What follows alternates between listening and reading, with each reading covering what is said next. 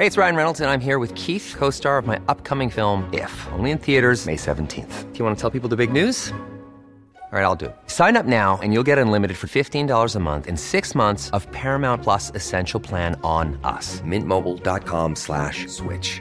Upfront payment of $45 equivalent to $15 per month. Unlimited over 40 gigabytes per month. Face lower speeds. Videos at 480p. Active Mint customers by 531.24 get six months of Paramount Plus Essential Plan. Auto renews after six months. Offer ends May 31st, 2024. Separate Paramount Plus registration required. Terms and conditions apply if rated PG.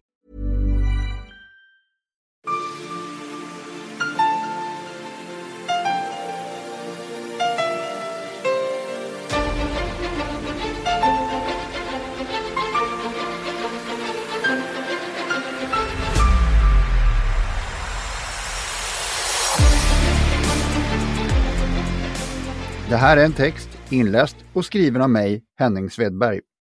Torpedproblem för USA. Man kan tycka att det är ett fasligt fegt grepp att gömma sig i vattnet och därifrån skjuta saker på dem som lite mer civiliserat håller sig på ytan. Dock ska vi veta att det där med att skjuta under ytan inte alltid är så lätt. Framförallt inte om du är USAisk ubåtskapten i början av det andra världskriget. Ubåtar är känsliga saker och du bör inte bli beskjuten om du sitter i en sån, för i princip varje vapen som finns i ett krig har kapacitet att skjuta en i sank.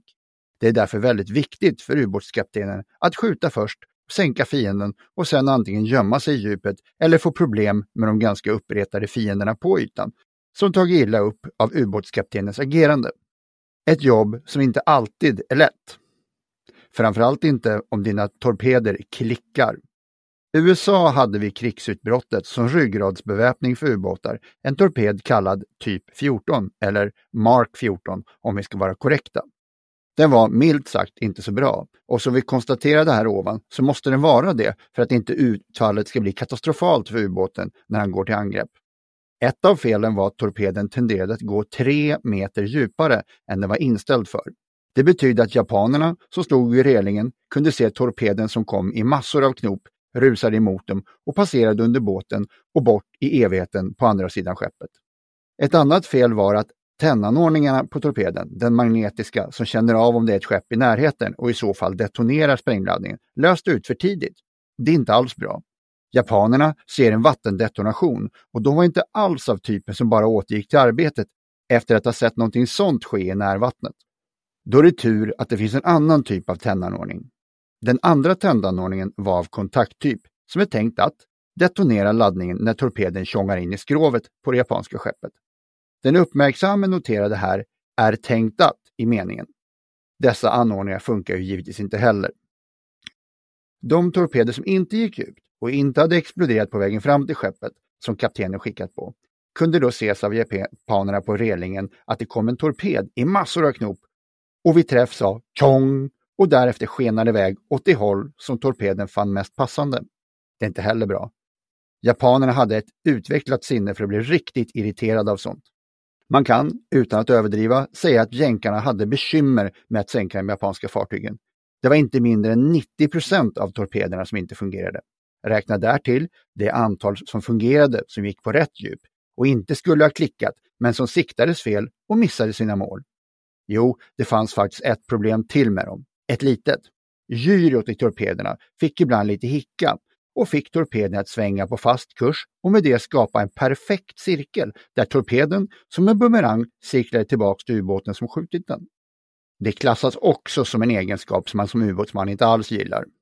Alla som pysslar med felsökning vet ju att det är ganska bra om man har ett exemplar av den felande produkten att kunna kika på för att hitta felet. Just torpeder är av den typen att de blir lite opraktiska att hämta från havsdjupet, framför allt om där förekommer osänkta japanska skepp. När det gällde kontaktmekanismen var det svårast. Här slet man sitt hår och kunde inte finna fel på tekniken när man inventerade de torpeder man ännu inte skjutit iväg. Allt fungerade ju. Men tur som tokiga så fann jänkarna en lösning. Man kontaktade Albert Einstein för att få hjälp. Jo, faktiskt, just den Albert Einstein. Han kollade in ritningarna och kunde med sin tränade skalla analysera och finna felet. Han meddelade det till USAs flottas grabbar och de fick då, nästan simultant, två samtal samtidigt.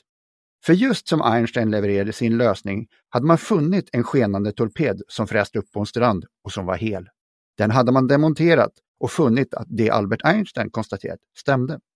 Felet var att en detaljmekanismen var stark nog att överföra den mekaniska rörelsen från torpedens sensor i framdelen till själva tennanordningen i laboratoriemiljö. Men för svag för att kunna förmedla rörelsen när torpederna i massor av knop dammade in i de japanska skeppen. Man förstärkte delen och vips så fungerade torpeden. Ja, i det fall den inte siktats fel, gick för lågt i vattnet eller gud förbjude att torpeden i en perfekt cirkel kom tillbaks till ubåten. Då var det, i sjömännens tycke, ganska mycket bättre med en torped som inte small när den träffade dem.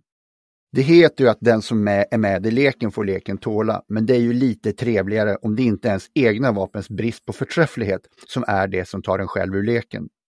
US Navy hade lite att pyssla med och trots detta så vann de kriget i sin helhet.